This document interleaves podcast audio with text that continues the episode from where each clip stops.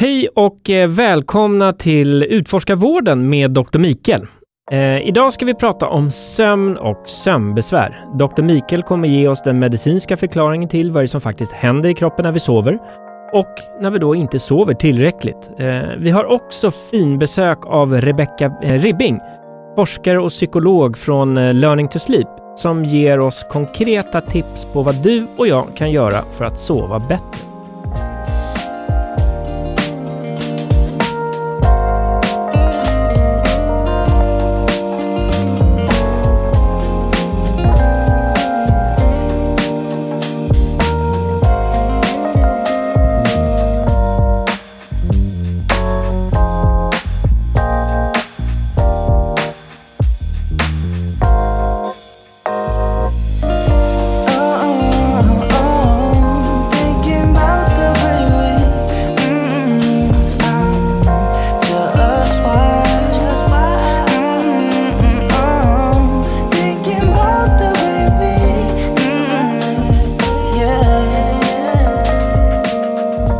Välkomna! Tack för, så mycket för det. Passar ju utmärkt för en narkosläkare att prata sömn. Eller hur? Det är ju det måste, det är ju din paradgren. Ja, absolut. Ingen är bättre på sömn än du. Eh, inte, ja, inte, och, Artificiell sömn kanske? Ja, ja, precis. Och som inte är samma sak som återhämtning. Men eh, jo, alltså, lite... Vi skojar ju egentligen, man vet nästan inte vad det är man gör. Nej. Men eh, det har något med, med stabiliseringen av membraner och aktionspotentialer som upphör och då blir det mörkt. Men det som är spännande är ju det glymfatiska systemet som är ganska nytt. Okej, ja, det där får vi djupa dyka Ja. ner för det har jag ingen aning om. Nej, Men en sak som jag vet, vet du vad det är? Nej. Det är att eh, enligt Folkhälsomyndigheten så är det faktiskt hela 43 procent eh, som lider av någon typ av sömnbesvär.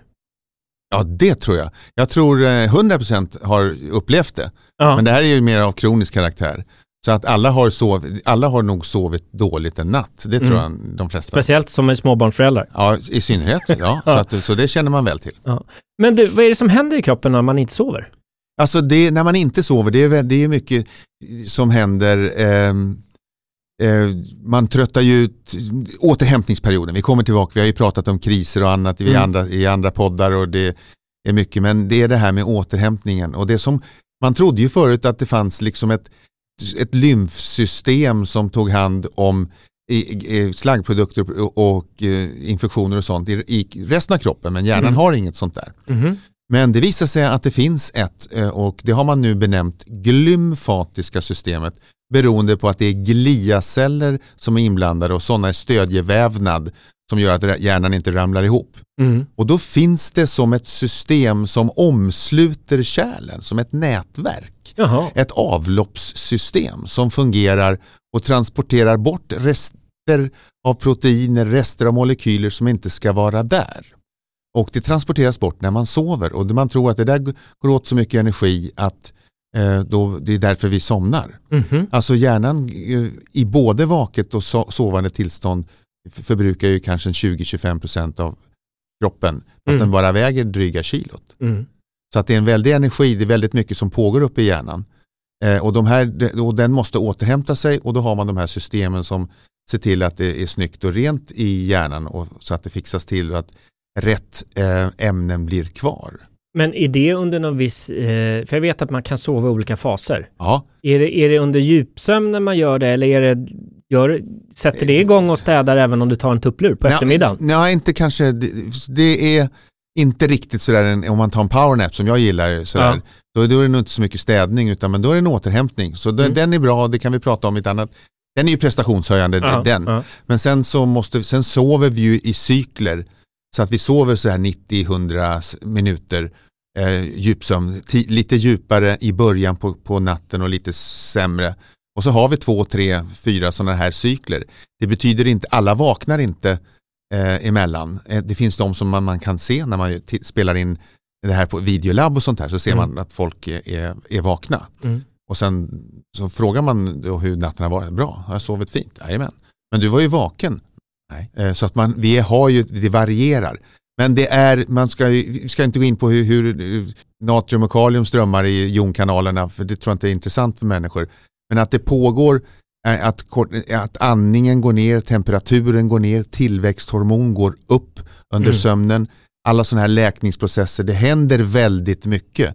Och stör man det så, så får man väldiga effekter. Mm. Man, redan efter 16, 17, 18 timmar kan man mäta negativa effekter eh, av vakenhet menar jag Mm. alltså.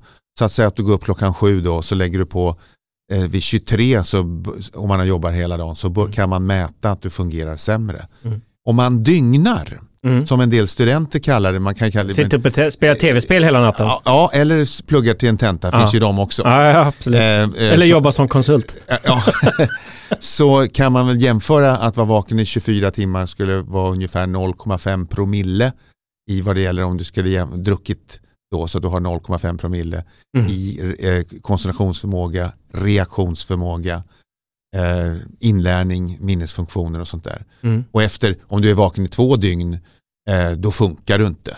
Eh, den vill, man vill inte ha en kirurg som har varit vaken i två dygn eller en pilot som ska landa och varit vaken Mm. i sådär. Man vill inte ha, och det är därför det begås så mycket misstag och sånt där även under krig. Mm. När du, du, du sitter i en tanks i två veckor. Mig veterligen har- finns det inga britsar där man sover. Alltså de, de här människorna som är, är med i krig, både eh, förövare och ofte, offer, Mm. är ju inte riktigt tillräkneliga. Men det var ju det hade ju tyskarna under världskriget. De hade Ja. ju sina chokladkakor med amfetamin Ja, och, under blitzkriget. ja, och det är så... Det vet jag inte om det stämmer, men det, det har jag det, ju läst mig till. Ja, ja precis. Och det, och det, det är ju där de här, allt med ketamin har uppstått och Mm. LSD, alla de här olika konstruerade drogerna är ju gjorda för att ha en ökad vakenhetsgrad. Mm. Och det, för amfetamin funkar nog Mm. i det korta perspektivet. Mm. Det är ingen långsiktig strategi. Nej, det är det inte. Verkligen inte.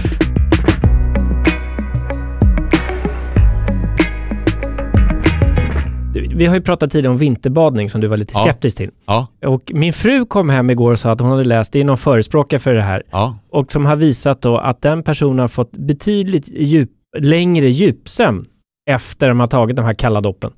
ja det, det kanske gäller natten efter eller två nätter efter och sen Ja. så är effekten borta. Så det har ingen effekt på Ingen folkhälsa. långvaro. Nej, men det kan däremot vara skönt.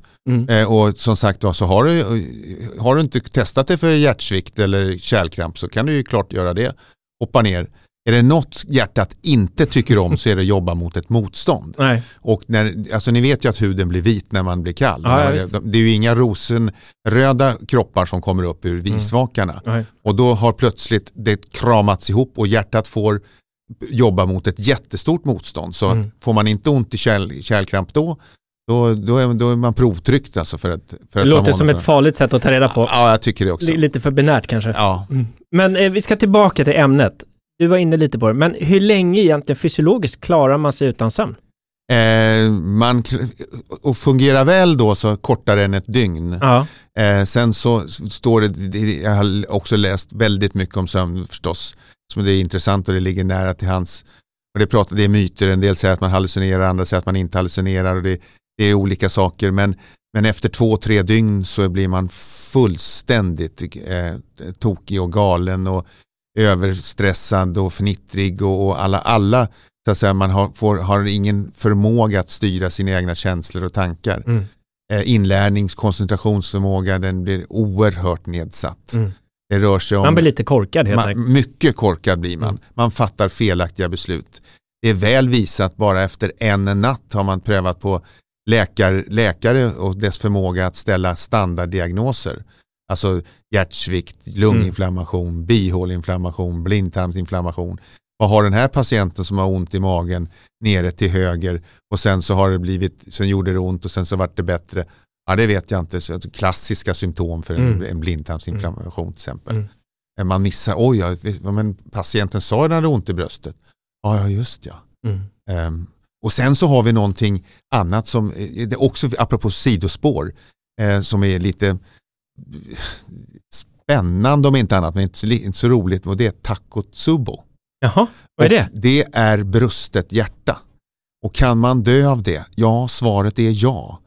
Eh, och bröst det är en, diagnos, eh, eh, symptom som hjärtinfarkt, man har till och med upp förhöjda en- enzymer, man har ont i bröstet, man har utstrålning, man har EKG-förändringar och det som händer är, och det har man sett eh, efter långvarig kronisk stress, i krig i synnerhet eh, så får man eh, och så har man en normal kärlröntgen, inga Mhm. förträngningar. Mm.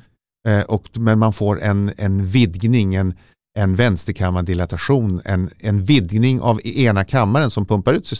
Den Mm. blir som en säck. Jaha, Eh, och det på Takotsubo betyder eh, är det japanska eller? Ja, det är japanska och det, blir, det är någon bläckfiskform som man fångar bläckfiskar i. Så en korg som får en, en säckig form, det är därifrån namnet kommer. Eh, och då får man hjärtsvikt till följd av den kroniska stressen, till följd av en, en oro, en skräck, en rädsla för till exempel eh, krig eller Ja. ett eh, bombanfall eller något sånt där. Ja. Det är väl visat och det är inte något påhitt det här. Nej, nej, nej. Man jag, kan- alltså, Man kan dö av Du är en sanningssägare. Ja. ja.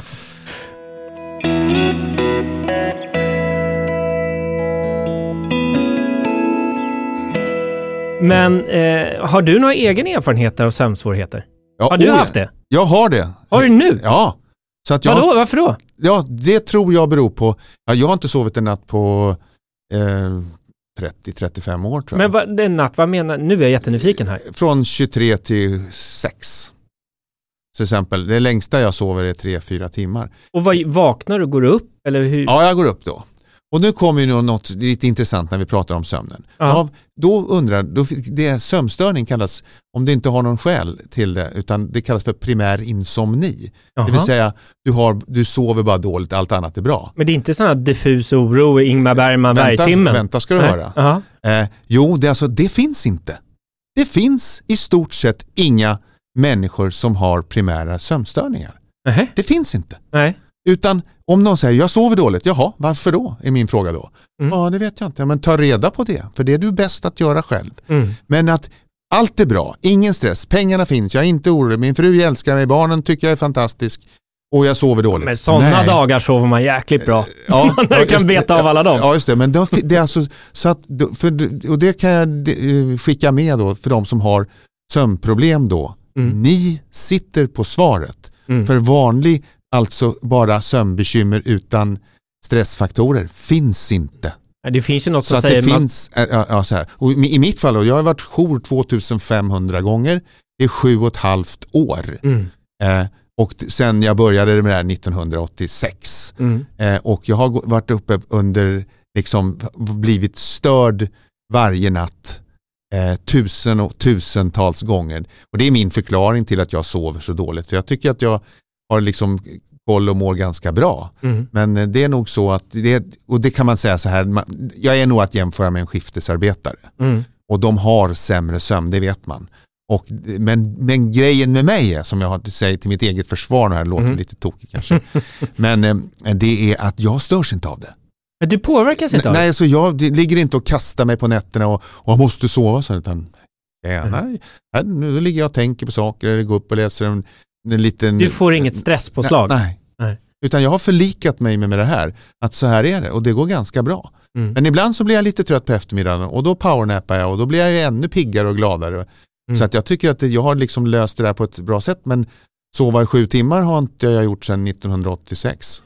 Nu vet jag inte om det här är myt, men det är väl kul att höra vad du har att säga om det. Men det sägs till exempel Margaret Thatcher och eh, Winston Ja. Churchill. Ja. De sover aldrig mer än fyra timmar. Ja precis, det är en myt. Det påstår jag. Jag känner dem inte Nej, personligen. nej, men det förstår jag. Men, Men, hur, eh, som läkare, som på det läkare, påståendet. ol- olika, alltså Margaret Thatcher, de, finns inte de här människorna. Jag kände, jag kände faktiskt en eh, kollega som, som var, han såg ut som en nystruken skjorta när han kom upp klockan fem på morgonen Mm. och var alltid piggast av alla. Det var obegripligt hur denne man kunde, och han missbrukar kortison, Mhm. visade sig sen. Mm.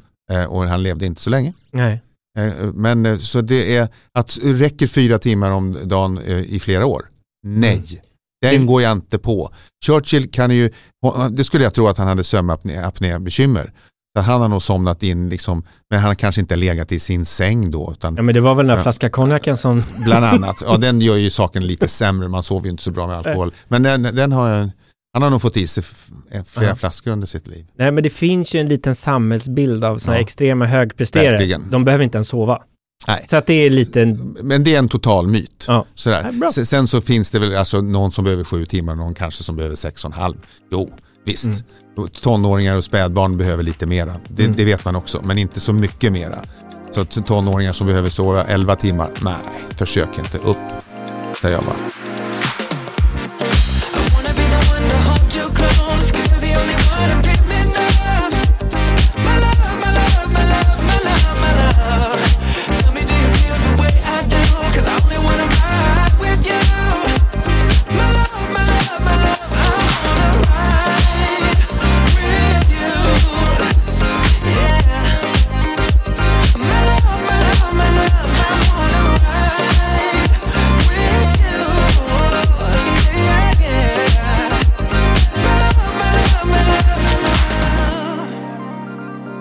Apropå sömn så har ju du ehm, The Island-programmet. Ja, Där sov ni väl inte så mycket? nej verkligen inte. Och det var ju inte så lyck... det var inte, men jag var rätt trött när jag kom Men därifrån. vaknar du mitt i natten som du alltid brukar göra där också? Absolut. Ja. Men det, det, man, det var förutsättningen så svåra. Jag har ju alltså sovit ståendes i hällande monsunregn. Mm. Och man står och lutar sig mot något träd och sen tänker man ju så här att när det spöregnar så finns det ju inga insekter. Jo då, Mm. det finns sandflugor, de där jävlarna de tar sig in överallt. Mm. Jag hade ju tubsocker på händerna för att de inte ska bli uppäten. Mm. Och det hjälpte sådär. Och sen så är det likadant med om det blåser så finns det inga, inga insekter. Jo då, det finns insekter då också. De finns, så att, nej, det var dåligt, det var extremt dåligt med sömn. Vi, det vi gjorde då på The Island var ju att vi, alltså man är rätt trött när det är 34 grader eh, och man står i en djungel och mitt på dagen. Mm. Eh, nu var det inte så speciellt, det var ju monsunperiod så det var inte så jättebra väder men varmt var det. Mm. Så att man höll ju en lite lägre profil mitt på dagen. Mm. Men eh, vad kan man göra om man har svårt att sova? Liksom, det finns ju så här insomningstabletter, det finns Ja. sömntabletter. Ja det kan man ju förhålla sig Liksom, till. finns det andra saker? Liksom, du behöver kanske inte gå på medikament. Nej, ja, då ska man ha tyst, svalt, mörkt. Det är Mm. grundläggande principer. Man har sovrummet in mot gården, eh, man ser till att det är tyst och svalt. Eh, och, man, och, och man inte har distraherande grejer, man har inte skärmen, man lämnar telefonen. Eh, återigen, man behöver inte bli uppringd hela tiden om man nu har bekymmer. Mm. Man kan inte ligga med datorn på bröstet utan den lägger man åt sidan. Det här ljuset som kommer från datorer och telefoner anses ju vara negativt då, Mm. Mm. eh, för sömnsynvinkel. Sen brukar jag köra en grej som funkar ganska bra faktiskt. När den ligger imorgon så ska jag liksom spela in ett tv-program och sen så är det podd. Och sen vilka poddämnen var? Ska se, fan Du det? somnar direkt. Nej, tvärtom. Då ligger jag och ältar så får man en tankeslinga så det går runt och runt Ja. och runt. Då skriver jag ner det på en lapp. Nyhetsmorgon klockan sex. Då ska jag prata om kris. Sen ska jag spela in en podd och då ska vi prata om digitala verktyg. Det kan jag där. Där har jag en fråga. Skriver ner frågan. Undrar hur många det finns. Kolla imorgon. Lägg den fysiskt bredvid sängen. Mm. Då blir det liksom som att man bara tar av Det sig. där var väldigt smart. Ja, och då förflyttar man problemet från hjärnan till papperslappen Mm. och så säger man den finns där. Mm. Den kommer jag inte glömma bort. Den ligger det första jag ser när jag vaknar. Alltså Mm. behöver jag inte bära med mig papperslappens innehåll under hela natten utan nu kan jag sova lugn och Mm. ro. Och eh, det funkar alltså.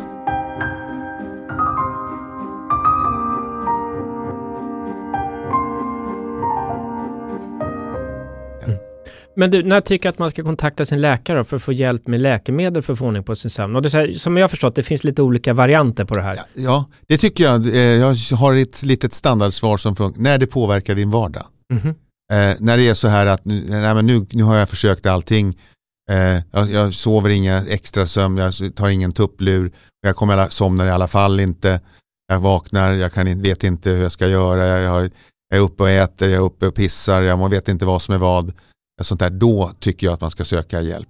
Mm. Och då är väl eh, den för, ska man säga, förhärskande eh, strategin och, och åsikterna om hur länge man ska använda, använda sig av medikamenter. Och det kan man alltså tänka sig under övergångsfaser.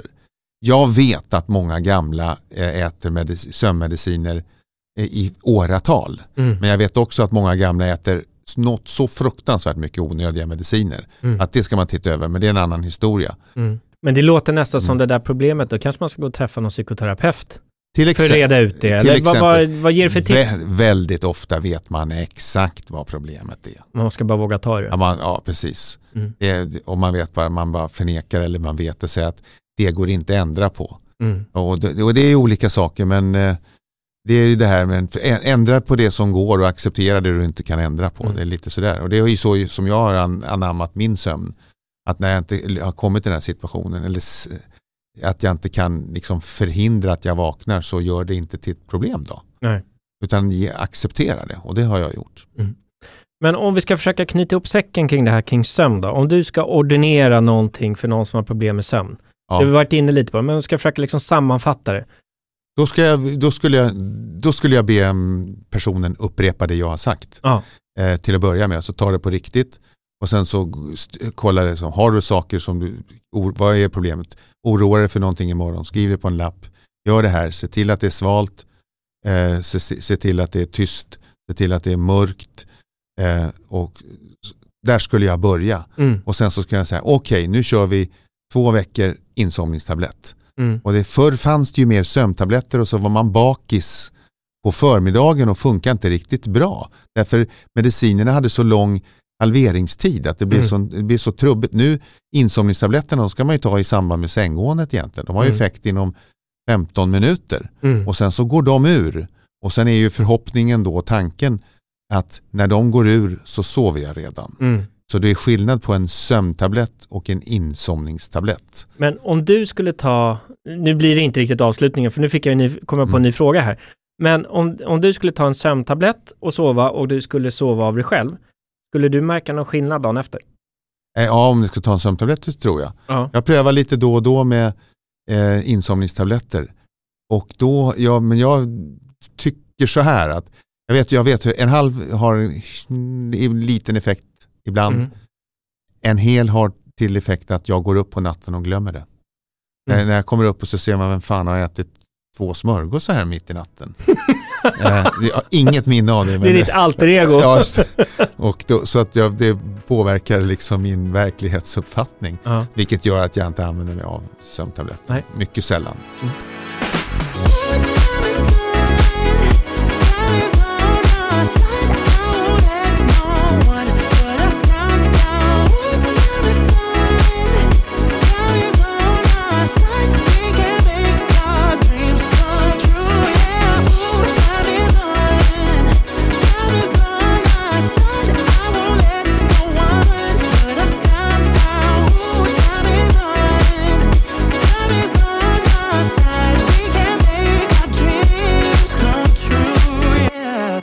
Rebecka Ribbing är legitimerad psykolog och sjuksköterska och har klinisk erfarenhet eh, både från primärvården och psykiatrin.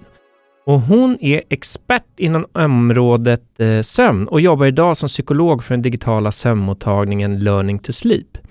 Och Learning to Sleep ger direkt tillgång till eh, psykologer som kan hjälpa människor att bli av med sina sömnproblem och få en helt enkelt en ökad livskvalitet. Enkelt och tillgängligt via en app. Nej men jättevälkommen till podden Utforska vården och jättekul att du kan vara här. Ja, tack så jättemycket. Jätteroligt att vara här. Men du, du kan ju allt om sömn. Så ja, att nu har vi, jag har massa frågor. okej, så att eh, vi kör igång. Kör igång. Eh, och det första måste jag fråga, du är ju expert inom sömn. Och hur kommer det sig att du har valt att hjälpa människor med just det? Ja, jag tycker ju sömn är väldigt spännande som område och det är så relaterbart. Alla vet hur det är att sova dåligt någon gång. Eh, och sen är det ju givande att kunna ge en effektiv, bra behandling som hjälper de allra flesta. Eh, och sen är det häftigt att se att det går att förändra människors beteenden och människors vanor. Eh, så att för mig är det väldigt givande att jobba just med sömn. Eh, och jag själv vet hur det kan vara att sova dåligt. Jag hade ett jobb en gång, det var väldigt stressigt och då fick jag sömnproblem. Så att Mm. eh, det, ja. Och är det, liksom, min nästa fråga är så här, varför får man sömnproblem? Är det mycket jobb? Eller liksom, vad är de vanligaste orsakerna till att man får sömnproblem? Stress är ju en, en väldigt vanlig orsak till varför man får sömnproblem och, och speciellt det kan vara kriser, du kan kanske gå igenom en separation, eh, alla möjliga saker kan ju då påverka varför man får sömnproblem.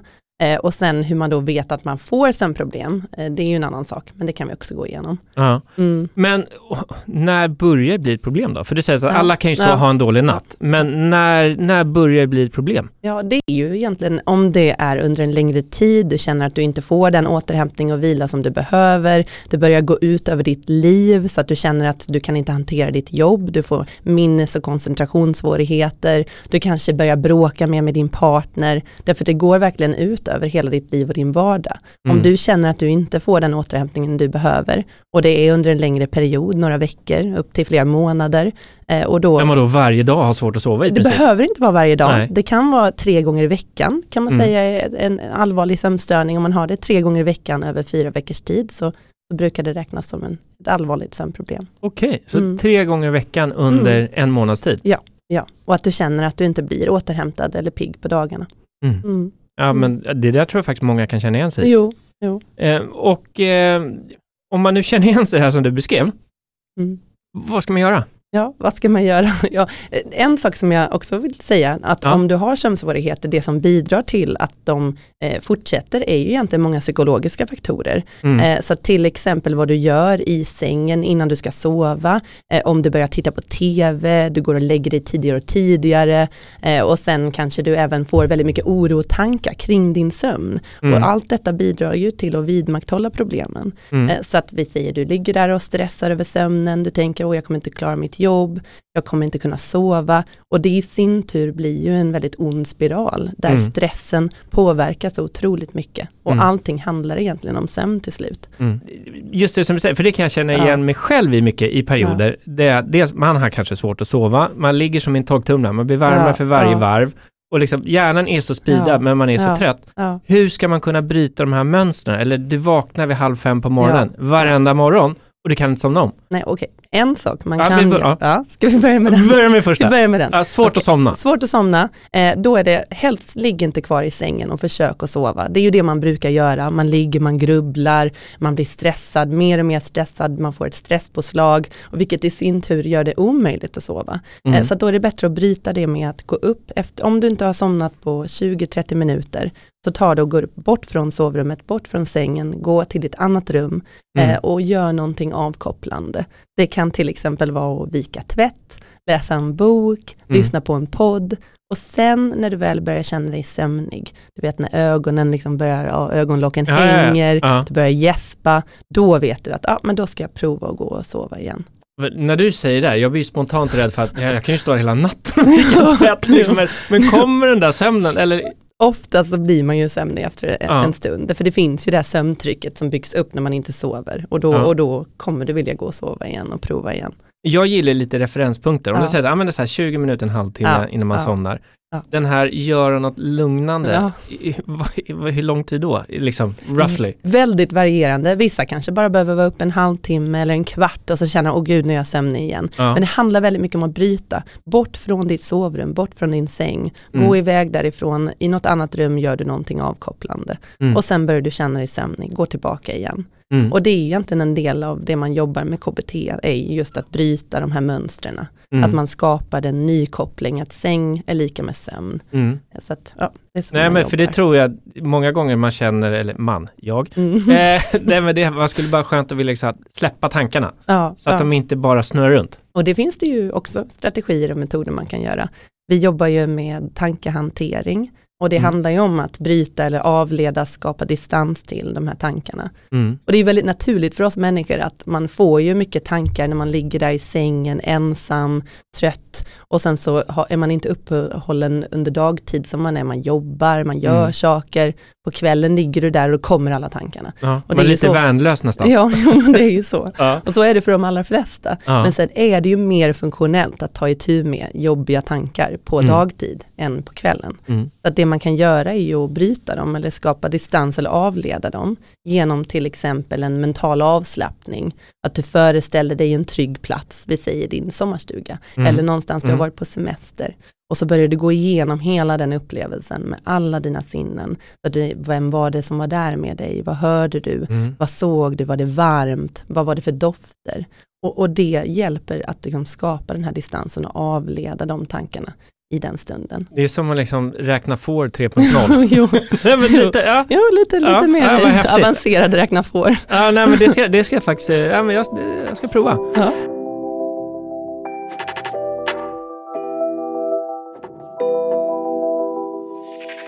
Liksom, learning to sleep, Ja. liksom, vad, vad, är, vad är problemet i samhället eller, i vårdsystemet? Liksom, varför finns ni? Ja, varför finns vi? Jo, det är ju att det finns ett samhällsproblem. Det finns väldigt många människor som har sömnproblem, men det finns inga resurser, eller Mm. väldigt få resurser. Så att vi handlar ju om ökad tillgänglighet, att ge rätt vård till rätt personer, Mm. eh, och så att de kanske inte försämras eller riskerar att försämras i sin problematik. Så att om man går där, man har en vårdcentral, det är långa köer, och sen så kanske de inte ens har tillgång till en psykolog eller en Mm. kurator som Mm. kan ge den här KBT-behandlingen. Så att det är därför vi finns, för att kunna Mm. erbjuda detta till personer som har ett verkligt lidande. Mm. Mm. Och, och liksom, vad är ni egentligen? För ni, ni Ja. har så ju sagt själva att ni är en app och ni är ingen Ja. fysisk eh, liksom, vårdgivare eller central man går nej, till. nej. Liksom, vad är ni? Jo, vi är ju en digital psykologmottagning eller en digital sömnmottagning som har specialiserat oss på att hjälpa personer med insomni då, eller allvarliga sömnproblem. Mm. Eh, och sen så kommer man till oss och får man prata med en psykolog i appen, Videosamtal då eller? både video eller röstsamtal, det får man Okej. välja själv. Ja, ja. Eh, Så att då pratar man med en psykolog en gång i veckan och sen så har man den här behandlingen som är fem veckor och så har man samtal en gång i veckan med psykologen och så jobbar man också med en strukturerad KBT-behandling Mm. eh, i appen med övningar, med informationsvideos eh, och så, ja, så är det. Och eh, Mm. vad är effekten av att vara med hos er då? Eller vad, liksom vara patient hos er? Ja, alltså, Kallar ni patienter? ja, patienter kallar vi dem. Ja. Ja. Mm. Jo, alltså, det, allt handlar ju om målet med behandlingen är att få en förbättrad sömn. Mm. Eh, och det är ju det vi gör. Så att vi har ju Mm. behandlat tusentals patienter och, och hjälpt dem med deras sömnproblem. Mm. Och ni har ju valt KBT som metod. Ja. Och eh, hur kommer det sig? Ja, det är ju därför KBT är en effektiv metod. Det är många års forskning som har visat att KBT är en effektiv metod för att förbättra sömnproblem hos människor. Både att man somnar snabbare, att man får bibehållen sömn och även då att den effekten håller i sig över tid. Eh, så att det är en vetenskapligt beprövad metod eh, som även Socialstyrelsen rekommenderar i första hand. Mm. Så att det här är ju ett problem som finns över hela Europa även, att, Mm. att det är brist på resurser och, och sen väldigt mycket förskrivning av sömnläkemedel, Mm. onödigt förskrivande av beroendeframkallande sömnläkemedel. Mm. Hur ser du på hela den liksom, läkemedelsdelen av sömn? Ja, alltså egentligen är ju sömnläkemedel endast rekommenderat för kortvarigt bruk Mm. och det ger ju ingen långsiktig förändring av sömnproblem.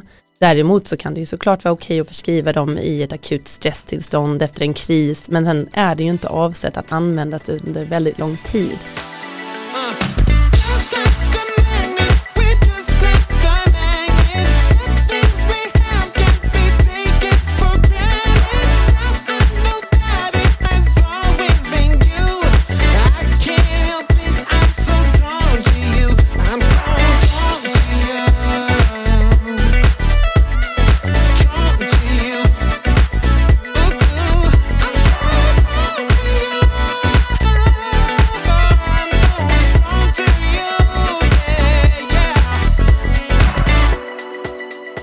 Det, man vet ju alla negativa konsekvenser nu, har ju, de senaste årens forskning har ju visat det, hur dåligt det är med, med Mm. dålig sömn under en lång period. Mm. Det är liksom ökad risk för diabetes, för Alzheimers och för ja, sjukdomar generellt. Mm. Det har vi faktiskt inte ens nämnt. Det finns Nej. ju massa saker som inte alls är bra Nej. som kan komma liksom som en konsekvens av Ja. att man sover dåligt. Ja, ja. Och, och det är ju en spännande sak, det är ju Matthew Walker, han är en sån sömnforskare. Mm. och har skrivit Sömngåtan, den boken, och där, där beskriver han ju världens största sömnexperiment. Det är ju den här skillnaden mellan vintertid och sommartid som händer Mm. varje år. Mm. Han kallade det världens största sömnexperiment, där alla människor får gå igenom det här, eller Mm. många i alla fall, tvingas genomgå det här experimentet. Och då har man ju sett, eh, när man byter till sommartid och får sova en timme mindre bara, då ökar trafikolyckor, depression, suicid, Mm. hjärtinfarkter och sen ser man även en samma minskning när man sen får sova en timme längre på hösten. Så det, Mm. det är ganska spännande just den forskningen som visar hur mycket det påverkar oss med bara en timme mindre. Otroligt.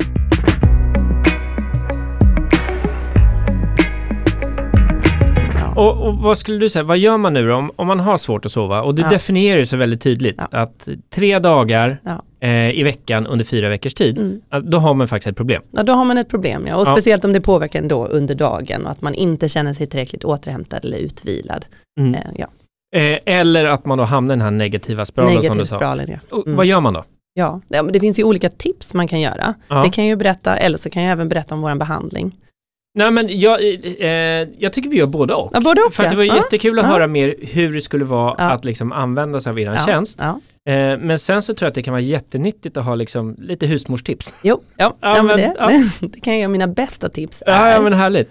kroppen och våra hjärnor mår väldigt bra av regelbundenhet och rutiner. Mm. Eh, Så att fasta sovtider. Även om det låter tråkigt så är det att gå och lägga sig ungefär samma tid, gå upp vid samma tid. Mm. Oavsett om det är helg eller vardag.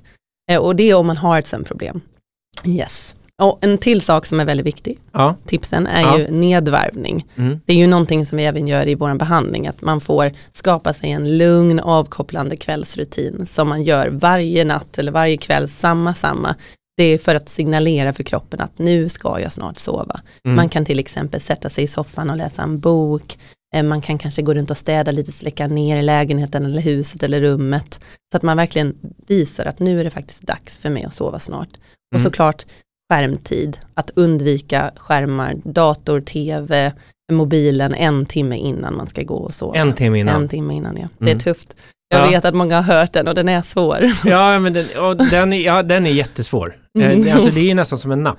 Jo, men Och ligga och kolla lite så här. Så blir, ibland funkar det jättebra, man somnar, Ja. inga problem. Ja. Men ibland så blir det så att, nej, men, Nej, Ja. nej så att om man har sömnproblem ska man undvika det.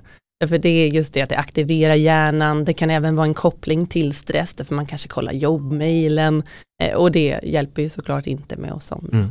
Nej. Sängen är lika med sömn, så Mm. då ska man också om det är eh, mitt på natten, om du ligger där och grubblar och vänder dig och vrider, så kommer inte det gynna din sömn i längden. nej. Så att alla de här metoderna kan vara lite jobbiga i en kort period, därför det är Mm. någonting du måste lära om. Mm. Så då handlar det väldigt mycket om även då, gå upp, gå bort från sovrummet, gör någonting avkopplande och prova igen. Mm. Eh, Så att även där stämmer det. Och, och din erfarenhet då, hur lång tid tar det för att liksom lära sig det här nya beteendet? Ja, alltså vi har ju en behandling som är fem veckor och Ja, alla, de allra det flesta. tar inte längre tid än så. Nej, nej, det behöver det faktiskt inte göra. Att, eh, det är väldigt pedagogiskt, man jobbar med olika metoder varje vecka och så ser man. Mm. Mm. Och i eran behandling då, behövs de här psykologsamtalen eller kan man göra det helt på självstudier? Jo, det är ju det med att förändra vanor och beteenden och, och bryta negativa mönster. Det var ganska svårt på egen hand. Eh, Så det vet man ju själv hur det är när man har bestämt sig att nu ska jag börja äta nyttigare eller Mm. göra någonting annat där man ska göra något nytt. Och det kan vara ganska svårt. Mm. Därför det, är- det är svårt att ha följsamheten och disciplinen. Och, och ibland behöver man professionell hjälp. Någon Mm. som finns där och stöttar en och peppar en under tiden och Mm. hjälper en och problemlöser. Det är en av de viktigaste delarna. Att som psykolog under en sån här behandling att hjälpa och problemlösa och stötta och, och verkligen visa att man finns där. Och, och vem, är, vem är det här tillgängligt för? Vem kan göra det här? Och egentligen alla som känner att de har ett lidande i form av ett sömnproblem som vi pratade om innan, Mm. där det stör ens vardag och man känner sig inte utvilad. Om man är osäker så kan man alltid boka ett bedömningssamtal Mm. och sen av våra psykologer så kan man, kan man se om man skulle behöva gå en sån här behandling. Och det är tillgängligt för alla i hela Sverige? Ja, alla Ja. i hela Sverige. Mm. Det är, och det är ju det som är roligt med den här behandlingen, att jag stöter på patienter som bor över hela landet och Mm. vissa bor på landsbygden där de inte har tillgänglighet till till exempel psykolog eller kuratorer och då kan man då eh, få Mm. tag på en sån här behandling digitalt istället.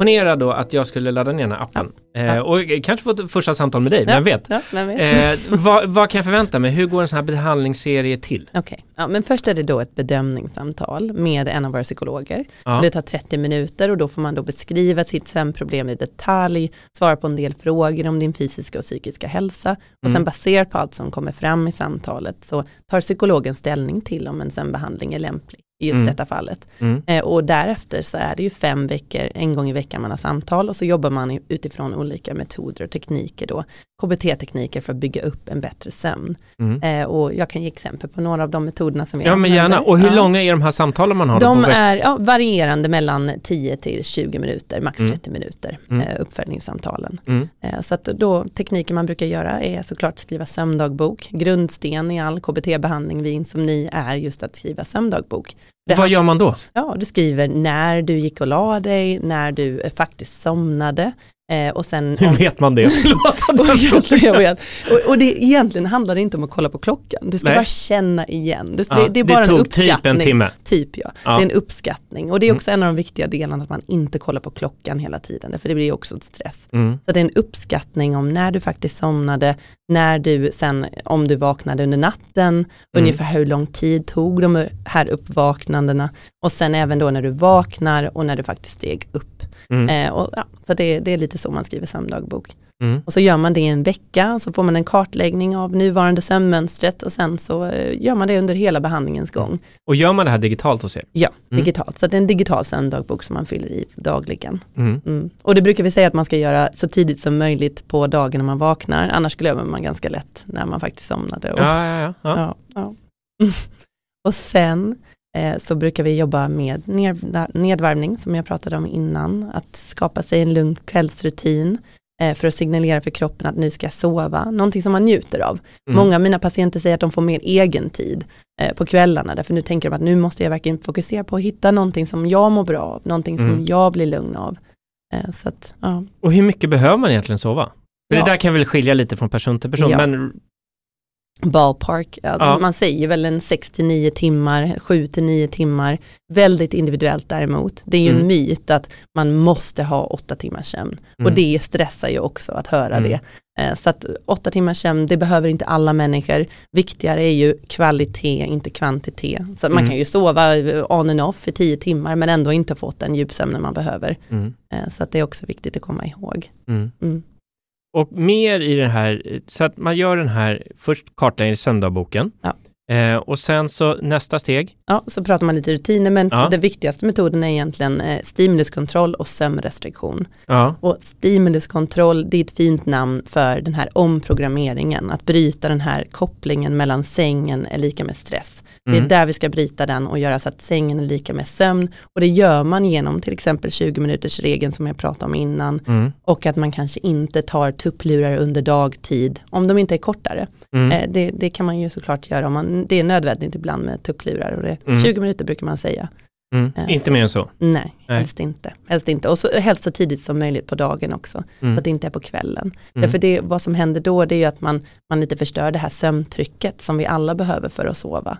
Mm. Att sömntrycket är någonting som byggs upp för oss allihop under dagen. Det måste vara ett visst antal timmar mellan du vaknar och när du sen somnar. Mm. Eh, och det är sömntrycket och det, det behöver man då ha för att kunna somna. Och det är ju någonting som är alltså hörnstenen i eh, sömnrestriktion, som är en sån metod där man får ett fast sovschema att följa eh, och, och för att spendera mindre vaken tid i sängen. Mm. Eh, så att vi säger du, eh, du registrerar din sömn och så sover du, du ligger i sängen nio timmar, sover sex av dem. Mm. Då tar vi bort den vakna tiden, de här tre extra timmarna som du ligger och grubblar eller ser på tv. Mm. Och så får du endast då de här sex timmarna att spendera i sängen för att försöka sova.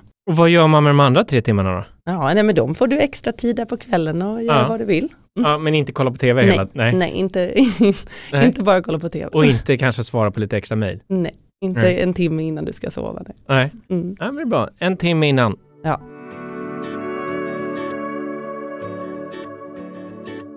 Så att under en sån här eh, behandlingsserie, hur Mm. många samtal är det man har då totalt? Totalt har man sju samtal, så att det är ett bedömningssamtal och sen är det sex samtal då. En, ett samtal efter den avslutande veckan också Mm. i behandlingen. Mm. Så att om jag har förstått saker och ting rätt, man Mm. alltså laddar ner appen, kostar ingenting. Eh, det här första, eller varje samtal kostar 100 kronor. Ja. Så att en, en hel behandlingsserie kostar alltså då 700 kronor. Ja, ja. Och om man skulle ha högkostnadsskydd, Ja. då kostar det ingenting. Exakt, exakt så. Ja, men fantastiskt. Mm. Om du bara skulle kort sammanfatta de här stegen nu som man gör den behandlingen, så ska jag ta med mig dem hem och tänka på dem. Okej, ja. okej. ja, en kort bara sammanfattning av hur behandlingen går till. Yes, steg för steg. Steg för steg. Du börjar med en eh, bedömning, sen kommer du att skriva sömndagbok, sen kommer du få lite information och psykoeduktion kring sömn, sömnhygieniska tips och råd. Sen kommer vi gå in på nedvarvningsrutiner, kvällsrutiner, avkopplande kvällsrutiner på kvällen. Eh, och sen kommer du gå igenom stimuluskontroll och sömnrestriktion. Och sen även avslappningstekniker. Och sen det sista steget är kognitiva strategier som vi kallar tankehanteringsstrategier. Det vi pratade om innan, Mm. det här med oro när den kommer, vad kan man göra då? Jättestort tack Rebecka för att du kunde vara med i Utforskarvården. Eh, och eh, till alla ni som har lyssnat, känner ni igen er i det här så är det så att Learning to Sleep finns där appar finns. Och det är bara att ladda ner. Och som sagt, första samtalet kostar 100 kronor och en hel behandlingsserie kostar 700. Såvida det inte är högkostnadsskydd. Men jättetack för intressant diskussion. Ja, tack själv, tack själv, roligt att vara här.